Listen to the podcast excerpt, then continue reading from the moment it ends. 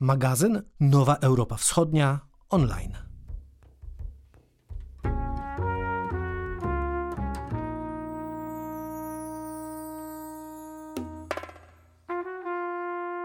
Z przyjemnością i dumą, ale także niemałą nadzieją na przyszłość, oddajemy w Państwa ręce pierwszy numer magazynu Nowa Europa Wschodnia online, którego tematem przewodnim jest kwestia przywództwa.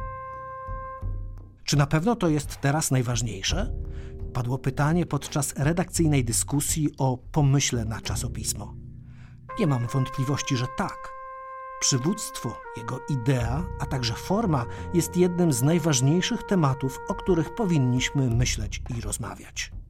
Czy Ukraina nadal byłaby wolna, gdyby 24 lutego 2022 roku Wołodymyr Zełański i inni czołowi politycy nie nagrali krótkiego filmiku dowodząc, że pozostali w atakowanym Kijowie, tylko znaleźli bezpieczne schronienie na zachodzie?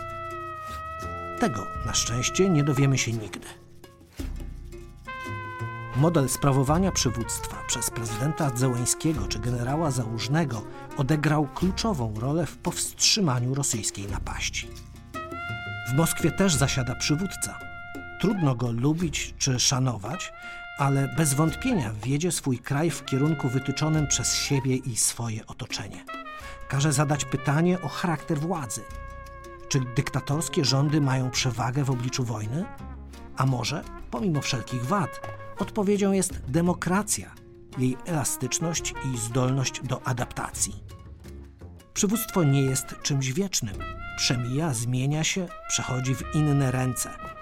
Niemcy, kraj bogaty i potężny, przyzwyczaiły siebie i wielu na świecie do swojej roli w wytyczaniu szlaku i opinii na jego temat. Napaść Rosji na Ukrainę pokazała, że ścieżka była zwodnicza. Przewodnik nie umie odnaleźć nowej drogi, a uczestnicy wycieczki też mają dużo do powiedzenia. To jednak rodzi wiele nowych wątpliwości, bo wcale nie jest powiedziane, że Niemcy przestaną wierzyć w swoją misję i dbać przede wszystkim o własny interes, a kraje takie jak Polska czy państwa nadbałtyckie zdołają nie tylko się przebić i udźwignąć odpowiedzialność związaną z przewodzeniem, ale także wyzwolą od kompleksów i historycznych obciążeń. Wojny, społeczne niepokoje czy klęski naturalne przywołują na myśl tradycyjnie pojmowaną rolę mężczyzn. Śmiałych bohaterów stawiających czoła wyzwaniom, czy poświęcających się w mniej lub bardziej skutecznych zmaganiach z przeciwnościami. Tymczasem życie okazuje się gotowe zaskakująco łamać stereotypy, bo przecież jedną z najskuteczniejszych kampanii w walce z pandemią COVID-19 pokierowała Jacinda Ardern, premierka Nowej Zelandii. Decyzję o porzuceniu dekad neutralności w obliczu wojny podjęły przywódczynie Szwecji Magdalena Andersson i Finlandii Sanna Marin, a o jednoznacznym i bezprecedensowym na skalę kraju wsparciu dla Ukrainy udzielonym przez Estonię zadecydowała szefowa rządu Kaja Kallas. W tej plejadzie wybitnych kobiet należących do nowego pokolenia przywódczyń i przywódców nie może też zabraknąć Mai Sandu, stojącej na czele małej, ambitnej Mołdawii.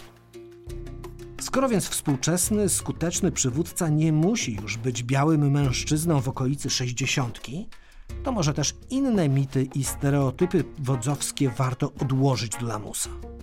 Czy musi być tak, że bogaty, silny lub po prostu duży może więcej?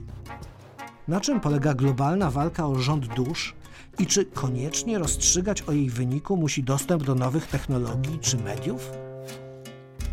Mam nadzieję, że to pierwsze i kolejne wydania Nowej Europy Wschodniej online nie tyle dadzą jednoznaczne odpowiedzi, ile skłonią do refleksji i debaty.